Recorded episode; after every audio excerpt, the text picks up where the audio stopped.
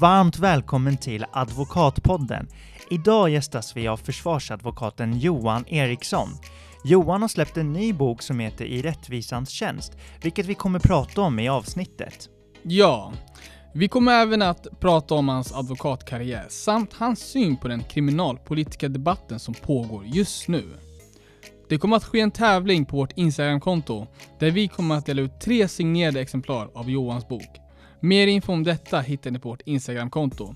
Lycka till i tävlingen och stort tack för att just du lyssnar på detta avsnitt.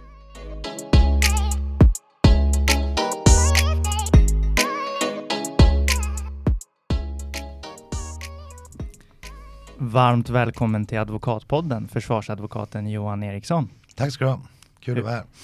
Kul att du är här. Hur är läget? Det är bra tycker jag. En solig, fin dag. Ja, vad har du gjort idag då? Åkt hit. Faktiskt du vad jag har gjort? Jag, jag har haft den eh, första lugna morgonen på ganska länge. Okej. Och vad innebär en lugn morgon då? Ja, jag bara hängde med frugan och tittade på morgon-tv och läste tidningar. Och, Ja. ja. behövde inte titta på klockan. Ja, för att man ser dig ovanligt mycket i media nu för tiden. Mycket Nyhetsmorgon och SVT, Morgonsoffa och allt vad det nu är. Vad, hur aktiv är du idag som försvarsadvokat? Ja, jo det är jag, men jag har haft en period nu när, som jag visste redan innan då att nu skulle det läggas lite, ping, lite tid på lansering. Så det, det har jag gjort. Ja, för du har ju skrivit en ny bok som vi också kommer gå in på eh, lite senare. Eh, hur, ehm, hur har du delat upp det då med försvararyrket? Alltså när, när jag fick chansen att skriva en bok, för det, jag säger chansen verkligen. Ja. För jag fick ju skriva det på, på, ett, på Albert Bonniers förlag som, som ja, jag, jag tyckte det var tjusigt i alla fall att få skriva på och, och få hjälp av dem framförallt. Då var jag ju som jag är. När de frågade när du kan vara klar så sa jag, ja men ska vi säga 15 december. Och, och då befann vi oss i maj eller något sånt där. Då. Eh, och då tänkte jag att nu, nu får jag verkligen planera. Så det gjorde jag. Jag hade skrivperioder när jag skrev. Ja. Och jag har också fått väldigt eh, god hjälp då av min förläggare Daniel Sandström som jag löpande lämnade. Jag har ju inte gått någon skrivarskola eller något sånt där utan jag har ju fått lära mig själv och fått hjälp. Så att jag, jag fick sätta högsta fart. Mm. Och sen eh, har du skaffat eh, Instagram också. Ja, ja. med viss hjälp. Okej. Det ska gärna särkännas för att Ja. jag, den första bilden jag skulle sätta in den kom upp och ner. Sen är det slut. Mm. Sen får jag skicka bilder och berätta vad det ska handla om men, men inte lägga mig i själva det tekniska.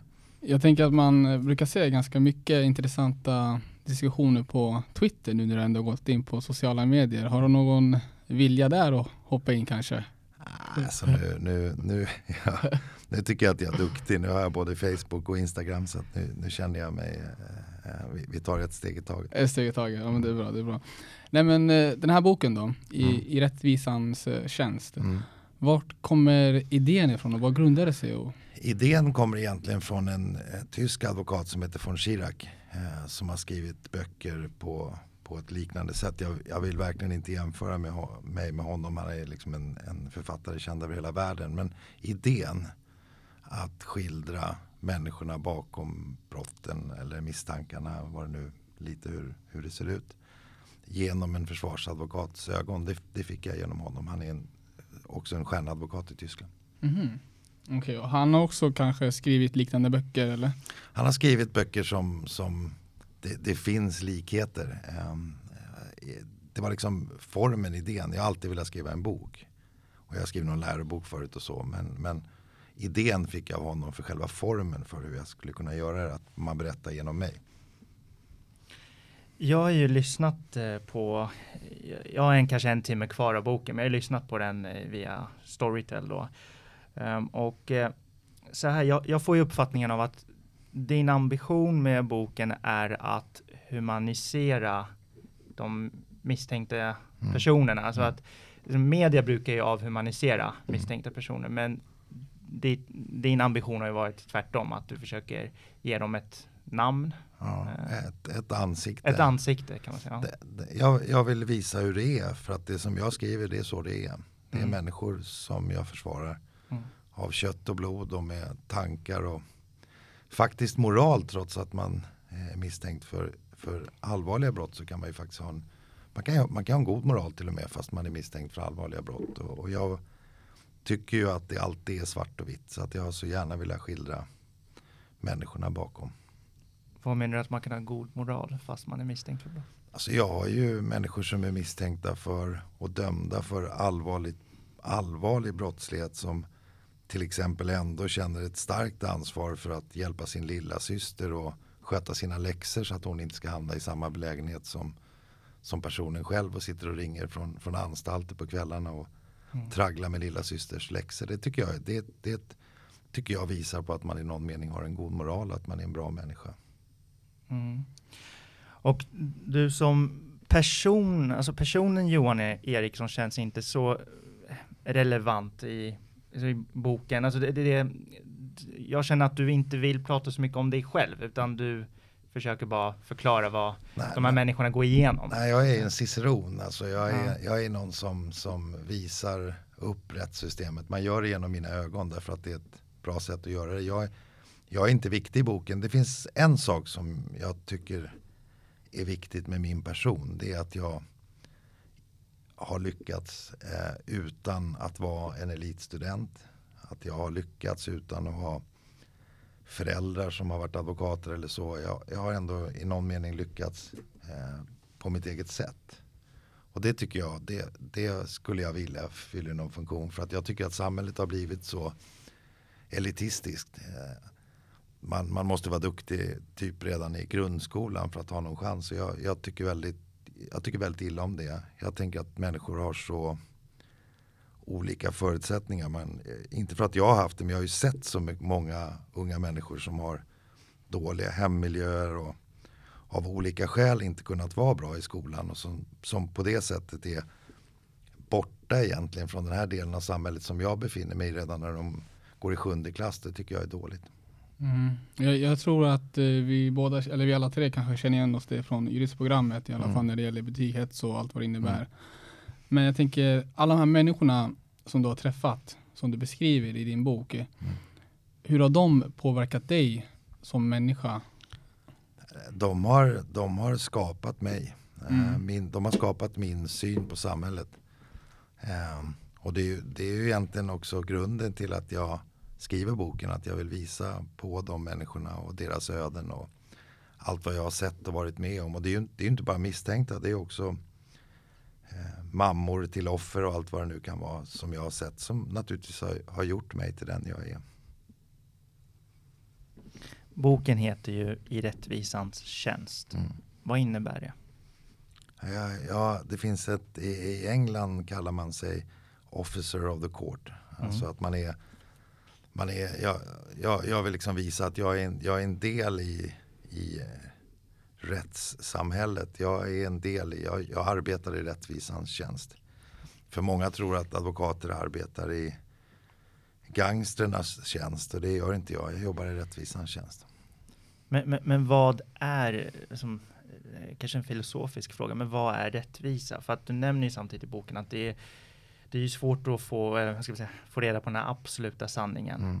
Den, det, det, du säger att den, den, nästan finns ju inte där i rättegångssalen. Nej, och, och, det jag menar med det är ju inte att eh, alla människor ljuger. Eh, utan att eh, det är så många saker som gör att det är svårt att berätta vad som är någon slags objektiv sanning. Och därför för mig är den yttersta rättvisan är att vi har ett fungerande system som får skyldiga fällda och som får oskyldiga i den meningen att det inte är bevisat att de frikänns alldeles oavsett vad omgivningen tycker och på vilket sätt man beskriver de misstänkta i tidningarna till exempel. Mm, du, du, låter ganska kritisk kring tidningarnas eh, rubriceringar kring brotten. Ja, jag, jag, jag, är inte kritisk i den meningen att jag begriper det därför att men tidningar är ju tidningar och massmedia är ju en del av samhället. Och samhället vill veta vad som händer. Och då skildrar man det som man får veta.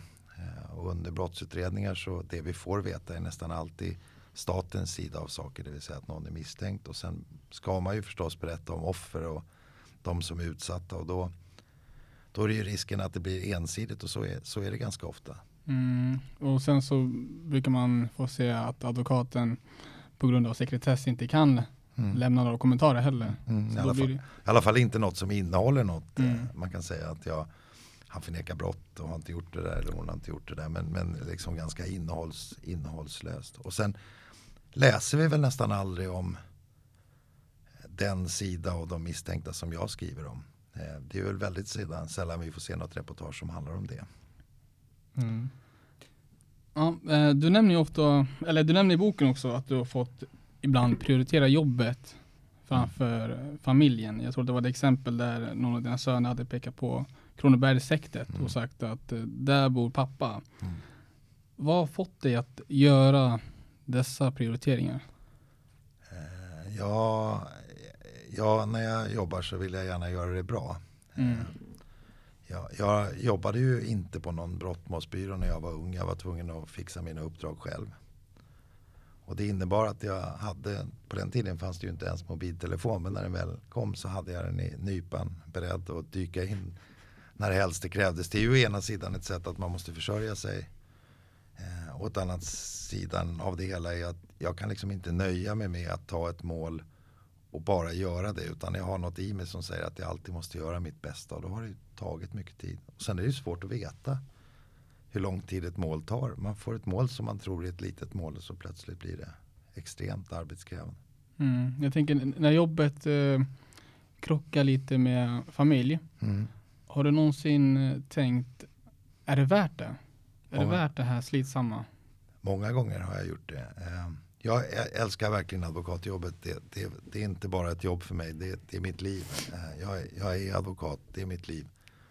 Eh, det, jag ser det också som en sport. Jag har verkligen velat utveckla mig och så. Men det är klart att det har funnits tider när jag har suttit på något hotellrum någonstans ensam och så har min fru ringt och berättat när de barnen var små att de var sjuka och hon har fått bära allt ansvar att jag har drabbats av akut dåligt samvete och känt att det eh,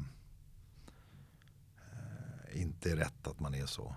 Eh, men sen har vi också, och det ska sägas, jag har ju liksom världens bästa fru. Hon har alltid förstått det där. Jag har ju fått avstå från annat. Jag hade till exempel inte särskilt mycket fritidsintressen. Eh, eller det hade jag, men jag utövar inte mina fritidsintressen. Det är något som jag har fått göra lite mer när jag har blivit äldre. Mm. Ja, men du nämner någonstans i boken också att du har konstant dåligt samvete. Alltså när du är med familjen så har du Mm. dåligt samvete för att du tänker att om jag kanske borde besöka en klient Mm. på häktet Mm. eller fängelse. Mm. Men när du är med klienterna så tänker du, ja men jag borde kanske vara med Ja. familjen. Mm. Det var ju så det var. Ja. Att jag tänkte att eh, nu måste jag vara ledig här idag den här lördagen. Eh, Och eh, samtidigt så tänkte jag att jag borde gå upp på häktet och snacka lite med klienten inför förhandlingen på måndag. Mm. Det är, ju, det, det är väl något som, som alla advokater som tar jobbet på riktigt allvar har känt. Eh, och, och sen med tiden eh, har, ju, har ju mitt jobb förändrats lite på det sättet att jag kunnat våga tacka nej. Numera tackar jag nej faktiskt. Eh, det, det, är en, det är en viktig sak för mig att jag, jag säger nej, jag vill sköta mina uppdrag själv och när jag inte kan så säger jag nej. Alldeles oavsett vad saken gäller faktiskt. Har du gjort det även som nybakad advokat? Det, det gjorde jag inte särskilt mycket då. Nej. Eh, Jag tänkte att varje uppdrag kanske var det sista. Mm. Men, men det var ju också ett sätt att lära sig jobbet. Eh, Man kan inte, man kan inte bli brottmålsadvokat om man inte får vara mycket i domstol. Eh, Och de små målen innehåller precis samma frågor som de stora. Men det är lite bättre att göra fel i ett litet mål än i ett stort. Och, och det är ju så man lär sig genom Mm. sina fel. Det, det, man kan gå runt och suga på karamellen att det går bra men det är när man gör fel som man kan tänka att vad gjorde jag för fel? Mm. Alltså, din bok väcker väldigt många känslor hos mig i alla fall. Eh, vi nämnde ju att eh, syftet med boken har varit att du vill eh, ge ett ansikte till de här Mm. personerna som nämns oftast i media på ett negativt sätt. Eh, man, man får känsla av, liksom, man blir arg ibland när man läser boken. Eh, man blir ledsen. Eh, och ibland blir man glad också. Eh, ibland finns det positiva stunder också. Men eh, jag tänker specifikt kring ett fall. Det är, mm, jag tror att eh, personen som du eh, du har gett namnet Ivan till den här personen tror jag Mm. och han eh, eh, utan att gå in eh, på liksom, detaljer så men han utsätts för rättsövergrepp och eh, han eh, ser dig på tv, eh, advokaten Johan Eriksson och eh, han kommer i kontakt med dig. Han försöker komma i kontakt med dig och han lyckas också. Eh, men du tackar nej till Mm. att hjälpa honom Mm. och eh, det blir ju värre sen för honom också. Ja, det blir värre sen. Mm. Eh, Jag, jag vill ju skildra vad man på juristspråk kallar rättshaverister. Mm. Människor som till slut inte har något annat att tänka på i livet och som inte gör något annat än att tänka på det som jag tror ofta är ett rättsövergrepp. Att de har blivit felaktigt dömda eller felaktigt behandlade eller någonting. Och så präglar det hela deras liv. Mm. Och, och många av dem tappar ju helt fokus. Deras idéer om hur man ska komma till rättvisa och, och de använder ganska ofta ordet, det gör också han, att de vill ha upprättelse. Mm. Och det där ordet upprättelse är ju, det vet ju alla vi som är jurister, det, vad, vad betyder det egentligen? Det kan väl vara allt, jag, jag tänker att många av dem ser framför sig att någon liksom, typ statsministern ska ropa ut förlåt att vi dömde dig fel. Här får du tillbaka ditt liv. Men de får väldigt sällan det. För då om vi återgår till bokens titel, I rättvisans tjänst. Mm. När jag tänker på Ivan-fallet, då Mm. tänker jag inte på rättvisa. Det blir ju, men samtidigt är det ju sanningen. Liksom. Det är, Det, det är sanningen. Ja. Eh, och, och det är sorgligt. Och jag, att, anledningen till att jag skriver om det är ju att det är en grupp som många ofta skrattar åt. mm. De skriver långa mejl, de besöker domstolar, de besöker advokatsamfundet, de, de, de söker hjälp överallt. Och ingen riktigt kan sätta sig in eller har ork eller, eller möjlighet eller tid för den delen att sätta sig in i deras sak. Och om jag skulle ha gjort det, om jag skulle ha hjälpt Ivan eh, så skulle jag ju ha behövt veta vad jag skulle hjälpa honom med, exakt vad det handlade om. Eh, och också då förmodligen söka resning. Och det hade jag inte tid med. Eh, och jag vill också skildra att det är så här de säkert bemöts av de flesta. Man Mm. får nej. Eh, jag sa nej. Eh, andra har säkert sagt nej till Ivan tidigare. Och det, i det här fallet slutar det ju på ett väldigt tråkigt vis. Mm. Men för att förtydliga, du tackade nej på grund av tidsbristen då antar jag? Ja, tidsbristen och att jag i någon mening min erfarenhet sa mig att det var ingenting jag kunde göra. Jag, kunde inte, jag skulle inte kunna ge honom den där upprättelsen. Och då tänker jag att om jag hade tänt hans låga av hopp så hade jag till slut blivit ytterligare ett av fallen av misslyckanden för honom och blivit ytterligare en i raden av misslyckanden för honom. För det är så jag tror det hade slutat. Har du någonsin haft eh, alltså klienter som varit nästan för jobbiga mot dig och krävt för mycket? Ja, det har alla advokater eh, varit med om. Hur Eh, hanterar du det? Alltså, ofta eh, har ju de här människorna som, som blir så, antingen är de bara intensiva eh, och krävande till sin, till sin läggning.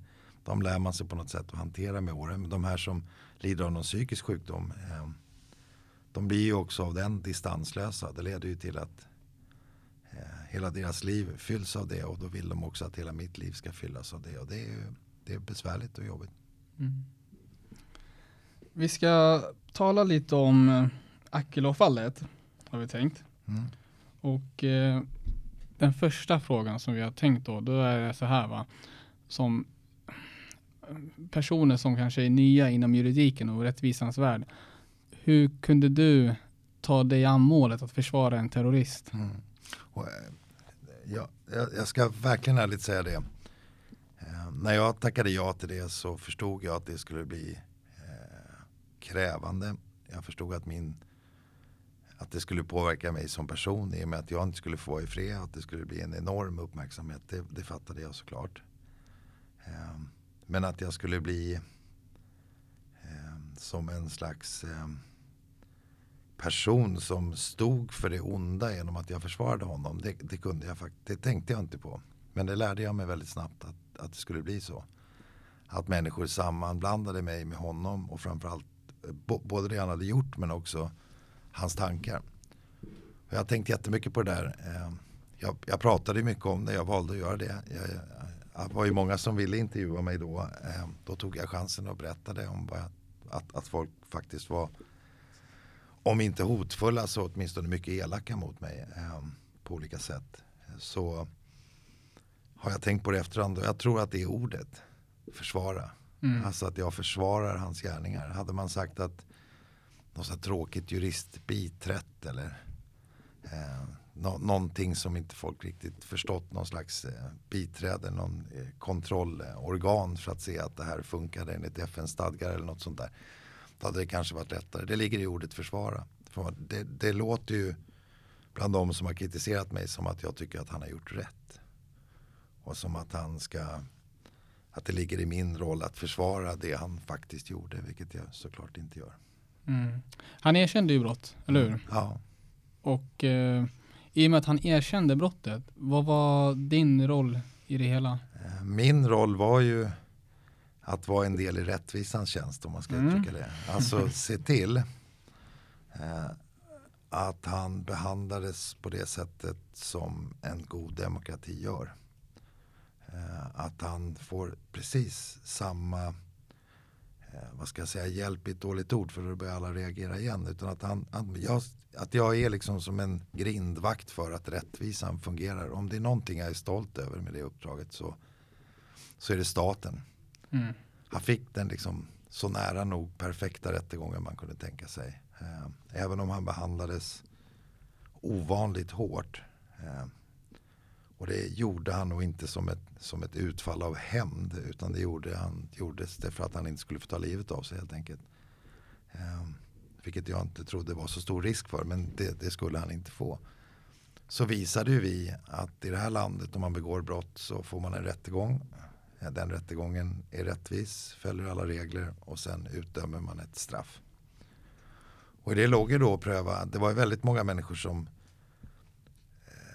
som befann sig i olika stor fara om man ska uttrycka sig enkelt. Eh, någon, någon var inne på Åhléns och eh, det kom en lastbil genom dörren. De kunde skadas av bilen eller de kunde skadas av nedfallande saker eller av explosionen i bilen. Någon var millimeter från att bli påkörd av lastbilen och kastade sig undan eller faktiskt blev undanknuffad av någon som räddade deras liv. Och det där ska ju värderas, ska ju göras juridik av det där. Eh, vem var utsatt för ett mordförsök? Vem var utsatt för framkallande av fara för annan? Och de, alla de här brotten skulle ju hanteras. Så i realiteten hade vi fem mordrättegångar, 140 eller något sånt där. Eh, försök till mordrättegångar och så hade vi kanske 50-60 framkallande av fara-rättegångar. Alla dessa staplade på varandra i samma, vid samma tidpunkt. Och alla, i alla fall där han var åtalad för försök till mord så blev det inte så. Eh, och det är väl ett det är väl så rättvisan ska fungera. Det är, väl ett, det är väl ett bevis för rättvisan att man kunde säga att nej tyvärr i det här fallet så var det inte så. För det är också rättvisa för andra. För rättvisa för de som befinner sig där. Att alla som befann sig där blev lika behandlade. Det, är, det, det ligger ju också en, en rättviseroll från, från, från samhället och från domstolen såklart. Påföljden blev livstid. Mm. Vad, eller, vad är dina personliga åsikter kring livstidsstraff? Jag tycker inte om livstidsstraffet. Eh, jag, jag har svårt för det här med tidsobestämda straff. I, I, realiteten, det vet man ju, så är det ju tänkt att en livstidsdömde någon gång ska släppas ut. Eh, och då är man beroende av en rasande massa saker. Eh, som, jag ska inte kalla det godtycke, för så är det verkligen inte. Men jag tycker att det är mer humant.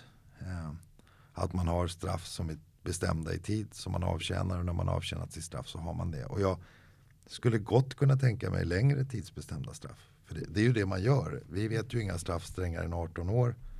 Men när man utdömer livstidsstraff så kan det bli 30 eller 35 eller 24 eller 18. Alltså det kan ju bli, då, då finns det utrymme för det och då tycker jag man kunde göra det på en gång. Mm, du menar att det nästan på något sätt är inhumant att ja, uh, ha ja, obestämda? Ja. Och, och, jag vet ju att människor reagerar på det därför att man tänker liksom att har man gjort det yttersta, till exempel tagit en annan människas liv eller flera så ska man så förtjänar man ingenting. Eh, man förtjänar inte alls att få veta när man kommer ut eller man förtjänar inte alls att få några rättigheter. Men jag ser det ju som att när man kommer ut så ska man ju också bli en människa. Och Om vi ändå tänker att man ska komma ut så är det bättre att veta när. Och sen så eh, låta fängelsetiden få någon slags innehåll. Inte bara, inte bara sitta där. Men, men samtidigt tänker jag att många skulle nog bli provocerade om Akilov någonsin skulle få komma ut till det fria så att säga. Mm. Hur ser du på, på det? Alltså, tycker du att någon som Akilov borde sitta på livstid? Alltså i det system vi, vi har idag så förtjänar han livstidsfängelse. Det, det, ju, det råder ingen som helst tvekan om det. Allt annat vore ju konstigt med tanke på det som han har ställt till. Eh, men han träffas av samma lagstiftning som alla andra. Det innebär att när tio år av hans straff har gått så har han rätt att söka att få sitt straff tidsbestämt. Han kommer att, precis som alla andra då, eh, värderas om han är farlig eller inte. Eller om det finns risk för att han kommer att gå nya brott. Och sen den tidpunkt, om den inträffar när man kommer fram till att han inte längre är farlig. Då ska han sitta till dess att han har avtjänat sitt straff. Och hur, hur långt det är, ja, det vet ju ingen idag. Ehm, men, men, men han, har sam, han träffas av samma regler. Eh, och därför så tänker jag att, eh, att, att ge honom ett tidsbestämt mycket långt straff hade egentligen inte i realiteten tror jag fått så stor skillnad. Sen tänker jag att det finns människor som samhället måste skyddas emot. Och då får man ju i ett sånt här system förstås ha något som gör att man kan tänka sig att den som är farlig får vi väl ändå på något sätt hålla, hålla undan alla andra människor. Det, det finns det ju system för i andra länder att göra. Jag tänker att för, för, att tjäna rättvisa så kan ju man vara till exempel åklagare eller mm. domare. Mm. Um, vad fick dig att vilja bli just försvarsadvokat? Um, jag pluggade eh, och när jag pluggade så var jag glad att läsa juridik. Sen fick jag jobb men, men jag såg också på en då väldigt eh, uppmärksammat program som var Jan Guillou eh, ägnade sig åt. Och, och um, följa ett resningsmål kan man säga. Det där hade jag sett på tv. Och jag tänkte liksom det där, i det där, i det där låg något väldigt tjusigt. Um, och, och, sen när jag pluggade så, så jag, jag drogs till det. Jag, jag är för snäll för att vara åklagare tror jag. Menar du att åklagare är elak? Nej, inte det minsta. inte det minsta. Jag, känner, jag känner jättemånga åklagare som jag respekterar. Mm. Men man måste kunna, precis som en domare, eh, inte kan tänka att han tycker lite synd om någon och ger dem ett lindrigare straff än någon annan. Mm.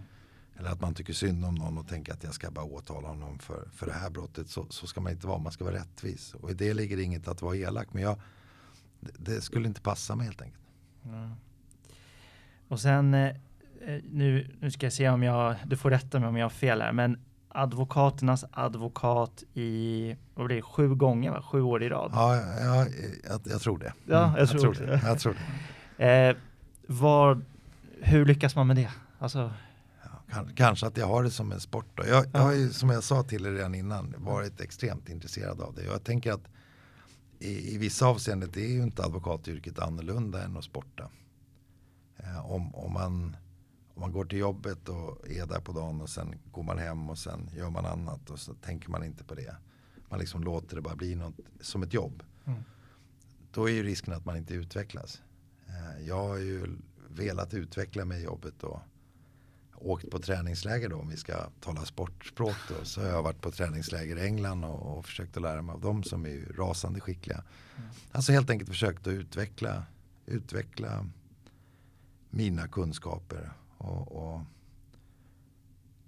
det är ju fantastiskt såklart att vinna det där priset sju år i rad och sådär. Men, men, men det, har, det har varit verkligen för mig viktigt i alla fall att, att utveckla mig och, och, inte bara göra som alla andra.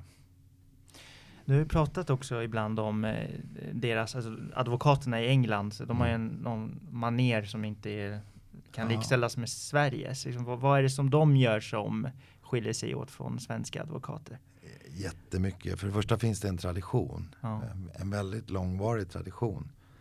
Um, som handlar om att de här barristerna då, de som jag är, är så svårt förtjust i. Ja. Um, att man lär sig att processa och det är liksom konsten att processa. Man är en officer of the court. För dem kan lika bra vara åklagare ena dagen som försvarare andra dagen. Eh, de är helt enkelt skickliga att processa. Mm. De har ju traditioner där man kan hitta läroböcker från 1400-talet om hur man håller korsförhör och så. Det kan jag säga, det hittar du inte i Sverige. Före 1948 så fanns ju inte ordet offentlig försvarare ens i vår lagbok. Mm. Eh, vi, vi, har, vi, har, vi har levt i en annan tradition. Ehm, och det, det, finns nog i det här systemet att advokaten innan 1948 hade inte så framträdande roll i, i, i processerna. Ehm, men i Storbritannien har det alltid varit så. Så man skolar sig ju till att bli rättegångsjurist. En barrister är ju en skolad rättegångsjurist. Det är det de är. De kan snacka om vad som helst som handlar om att försöka övertyga. Och deras, en, en egenskap som jag har blivit så förtjust i eh, är just det här att man ska vara likable. Så om man beter sig på ett sätt så att folk tycker om en eh, så tycker de ofta om ens argument också. Kan ni tänka på i livet om, om ni tänker en otrevlig människa mm. så tänker man du har fel din jävel. Eller ja, Man gillar inte vad de säger. Fast det kanske är rätt. Man kan nästan bli arg att någon som man inte tycker om har rätt. Men om trevliga människor så gillar man ju att lyssna på vad de säger. Och det, är en, det, är en, det, är en bärande, det, är det är en bärande del i en barristers sätt att vara. Att bete sig bra i domstol. Det är en viktig del i deras processföring helt enkelt. Ja, jag, jag har ju själv studerat en termin i London. Och ja. Då hade vi ganska många föreläsningar av just ja. det barristers och solicitors och mm. allt vad det kallas.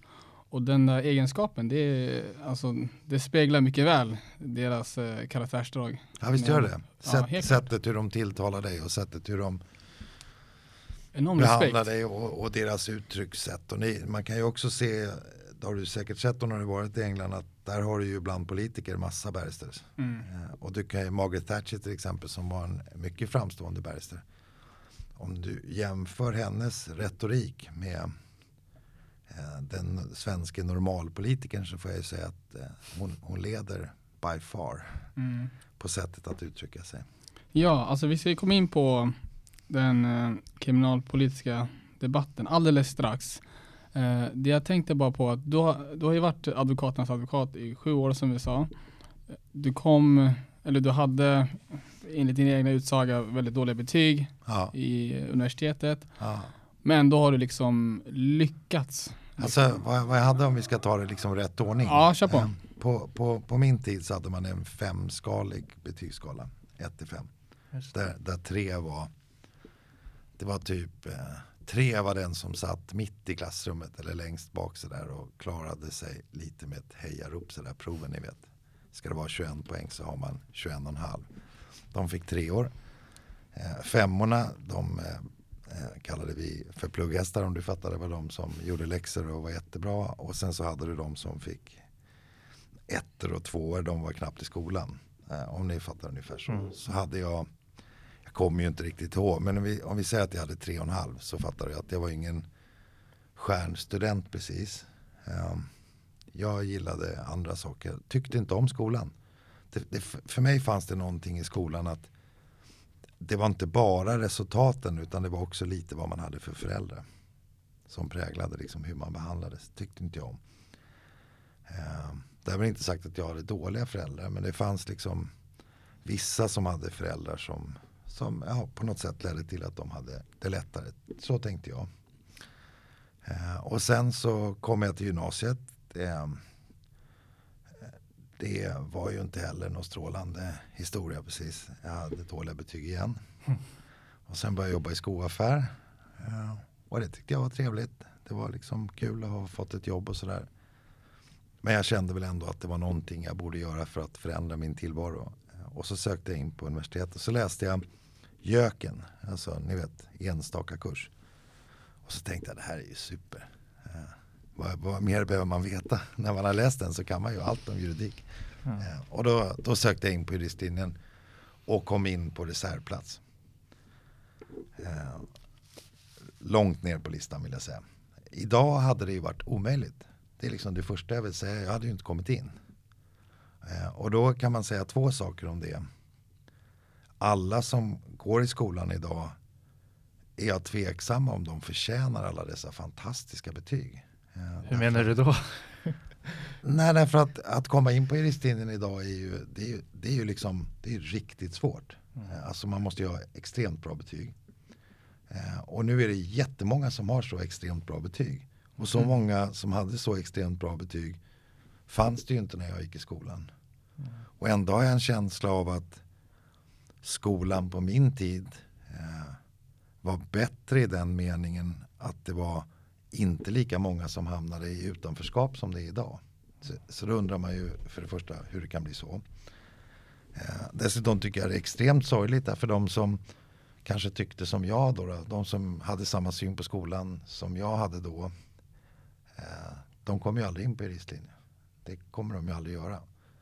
Eh, om de inte då lyckas med högskoleprovet. Och högskoleprovet kräver ju faktiskt egentligen att man har alla de där kunskaperna för att, för att ha de här höga betygen. Eh, då måste man ju vara rätt duktig faktiskt för att få de betygen som krävs för att komma in på, på universitetet. Och sen när jag väl började plugga då tyckte jag det var fantastiskt. Men då blev jag ju förtjust i idén att bli klar snabbt. Det var liksom, det, då, då fick jag den idén. Skulle du inte slå Olof Palme? Jag skulle slå Palme, Palme absolut. Det gick, inte, det gick inte.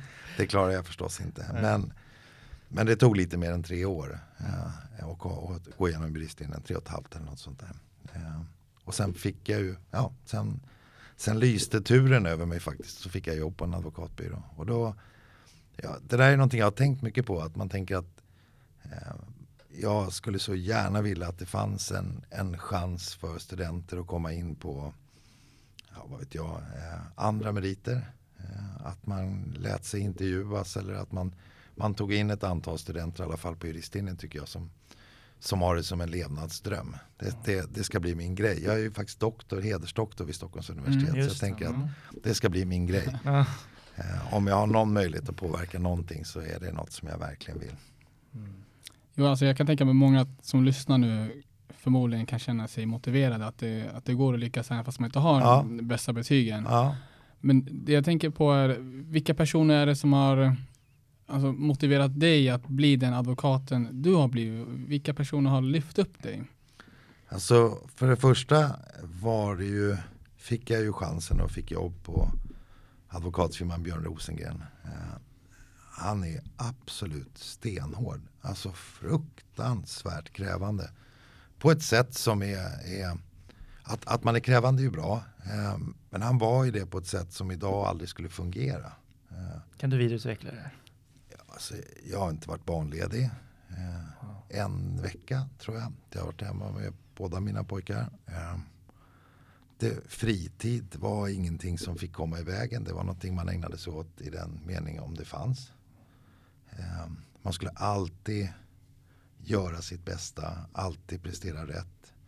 Aldrig komma undan med en halv slarvig grej eller sådär. Eh, och, och, det inser jag nu i efterhand att åtminstone för mig så var det ju bra. Därför att det har ju i någon mening gjort den till, till, till den personen jag är. Och sen, sen måste man moderniseras. Vi, vi, kan inte leva i ett samhälle idag där man säger att man inte ska vara barnledig och så. Det, det är ju inte en, så, så, ser ju inte samhället ut. Det finns, inget, det finns liksom inget bra med det. Mm. Men, men att ställa krav på, på anställda och att man, att man också ska prestera verkligen så gott man kan. Det tycker jag är bra. Det tycker jag är bra. Sen hade jag ju, eh, när jag väl började processen så eh, och kom in och var målsägandebiträde som var liksom min, egentligen var ju LVU och LVM, alltså tvångsmål var ju min väg in i domstolarna. För jag processade ju civilmål innan och då får man ju kila till rätten ett par gånger om året eller något sånt där. Så det, mm. det kan aldrig skapa den vanan att processa faktiskt. Eh, men det var min väg in. Och, och, det blev ju också det blev ju också det som fick mig att tänka att jag kommer och jag ska hjälpa de små människorna. Eh, de som är, har samhället emot sig. Det, de, det, det blir, kommer att bli min grej. Så det blev ju min grej. Och sen blev det målsägande beträden som var ny lagstiftning då. Och då såg jag dem ju. Peter Altin till exempel som en, har alltid varit en stor förebild för mig. Otroligt skicklig att processa. Jag kan nämna flera. Claes Borgström som ju inte finns ibland oss. Också en jätteskicklig. Eh, Sjöström också. Henning Sjöström ja. som ju var som ju var en idol. Mm. Han, han borde ju få liksom namnet juridikens Zlatan i vårt land. Oj. Därför att han har betytt så mycket för, för vår kår på andra sätt. Därför att han var ju en advokat som gjorde som inga advokat, andra advokater gjorde då från början. Nämligen att liksom fightas. I, i, inte liksom någon slätstruken tjänsteman som satt där för att försvara systemet. Utan en, en, en riktig, i sanningen en riktig fighter. Mm. Sen, sen hade han ju också han, han, hade ju, han hade ju behandlats av samhället annorlunda idag. Han var ju en jättekändis. Han åkte runt i Rolls Royce och gick på kändispartaj och eh, umgicks med liksom eliten, verkligen, verkligen kändiseliten i, i, i liksom världen. Åkte varmluftsballong med Günther Sachs som var en sån här supermiljardär och sådär. Han var, han var i den meningen annorlunda. Det var ju liksom en, en annan sida av honom. Men han ska verkligen hyllas för, för vad han har betytt för advokater. Men ganska illa sett då av andra. Mm.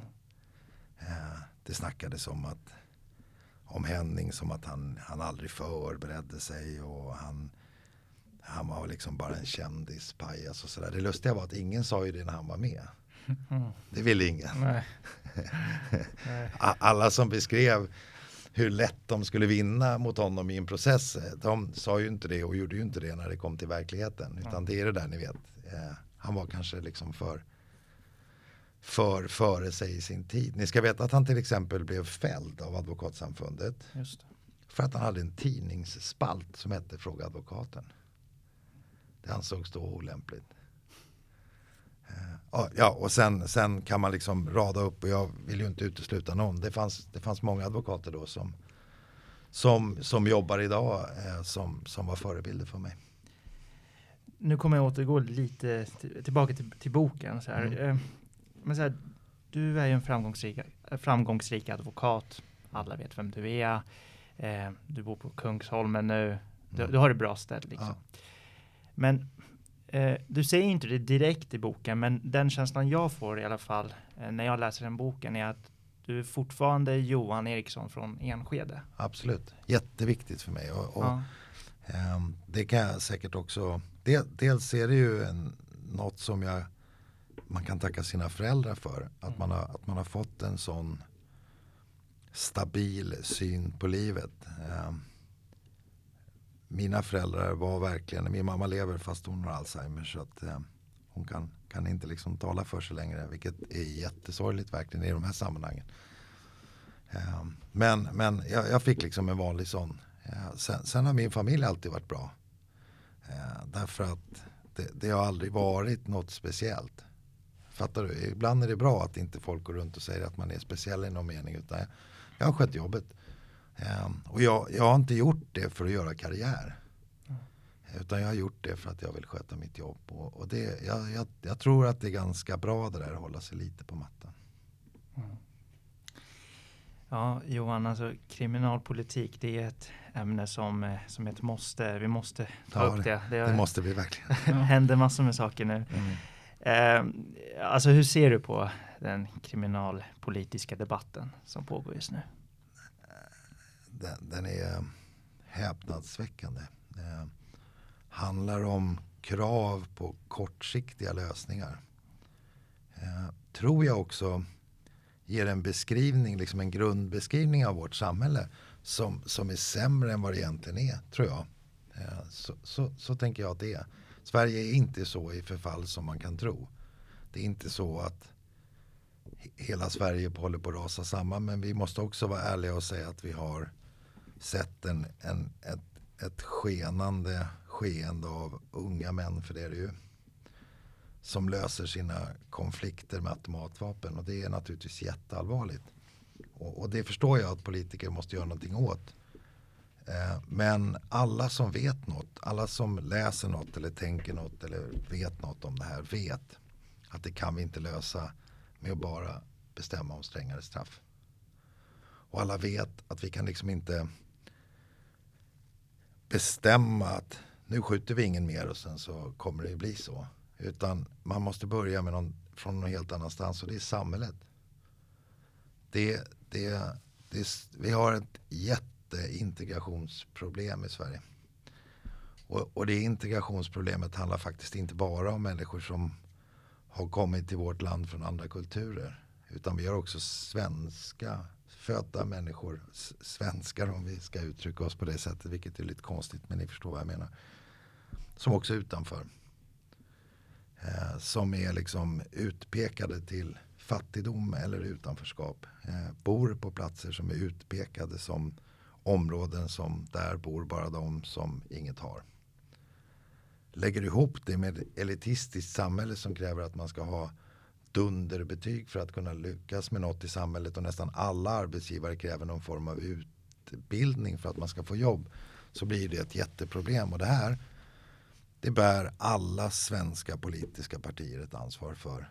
Och jag skulle bli så glad om någon sa att vi har misslyckats med det. Därför det är där vi måste börja och bygga, bygga, bygga ett samhälle som där unga män, för det är det ju, inte har den lokala liksom knarklangaren som en förebild. För jag tycker inte det är så konstigt. Eh, eh han har finaste bilen, han har mest pengar, han rör sig liksom lätt i samhället och ger ett intryck av att vara framgångsrik. Och framgångsrika människor föder ju idoler och förebilder. Eh, men det är inte den förebilden man ska ha när man är ung. Men om man, om man lever utanför samhället så tycker jag inte det är särskilt konstigt att man, att man ser på det på det sättet. Eh, och därför måste vi hitta något sätt. Och, och jag, jag är ju ingen samhällsbyggare så det är inte jag som ska komma på sättet. Men det, det, rimligen så finns det sätt att göra någonting åt detta. Sen så ska vi ha en en god rättvisa och de som skjuter ska såklart dömas. Ja. Men vi ska inte sänka beviskraven nu för att, för att döma människor. Utan vi ska behålla våra beviskrav och visa på den här goda demokratin. Och då är det ju i så fall att vi måste spetsa till vår organisation. Eh, då måste vi bli bättre på förundersökningar, bättre på kriminalteknik. Tror jag skaffa fler övervakningskameror, vilket jag faktiskt tror på. Eh, om man ser engelska igen då en liten blick dit.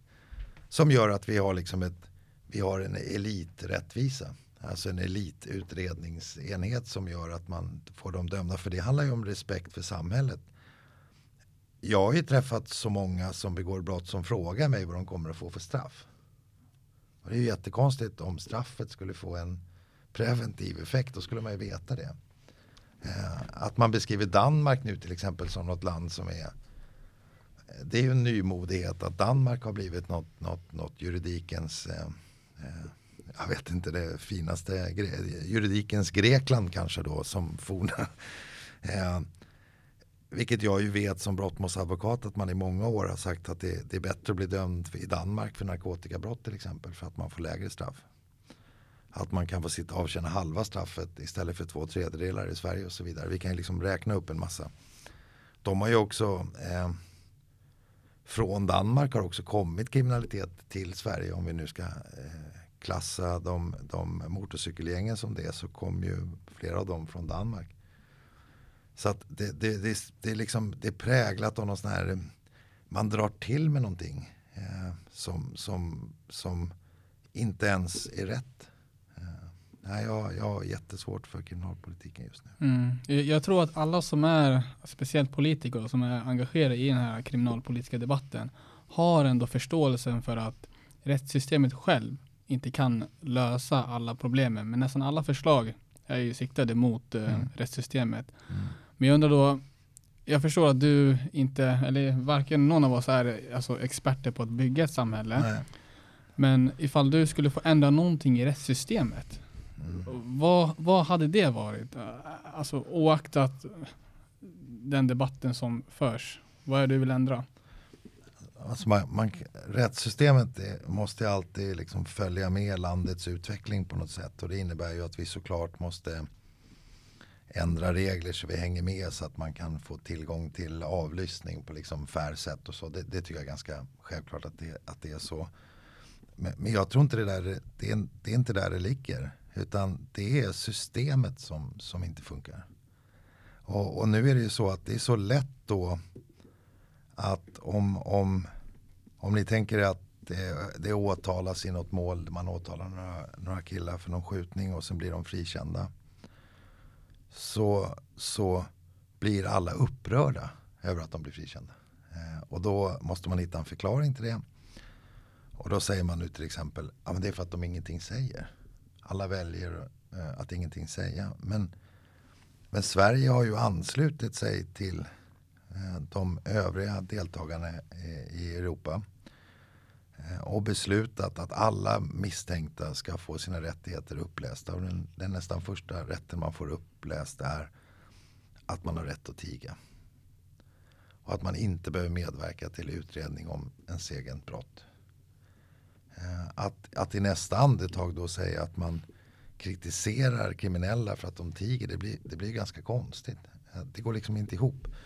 Och då är det ju så att när man kritiserar det, att de är tysta och ändrar sig och lämnar sina uppgifter i samband med att man har fått förundersökningen. Så har det sett ut i 25 år, lika länge som jag har jobbat så har det varit så.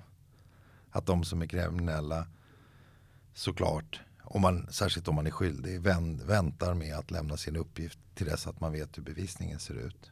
Eh, det är inget nytt. Det låter nu som det skulle vara någonting som var nyupptäckt detta. Det är för första inget nytt. Och för andra så vet ju alla som, som kan något om bevisvärdering att den där har ju det den misstänkte säger jätteliten betydelse. Om vi ska tro på Högsta domstolens, eller det, vi ska klart vi ska tro på dem, men om vi, om vi går på balkongfallet som de flesta känner till så är ju det en bevisvärderingsmetod som, som domstolar ibland kan använda. Och den bygger ju på att först prövar man statens bevisning helt fritt från den misstänktes berättelse. Och först om bevisningen är tillräckligt stark för att en fällande dom, då ser man vad den misstänkte har att säga.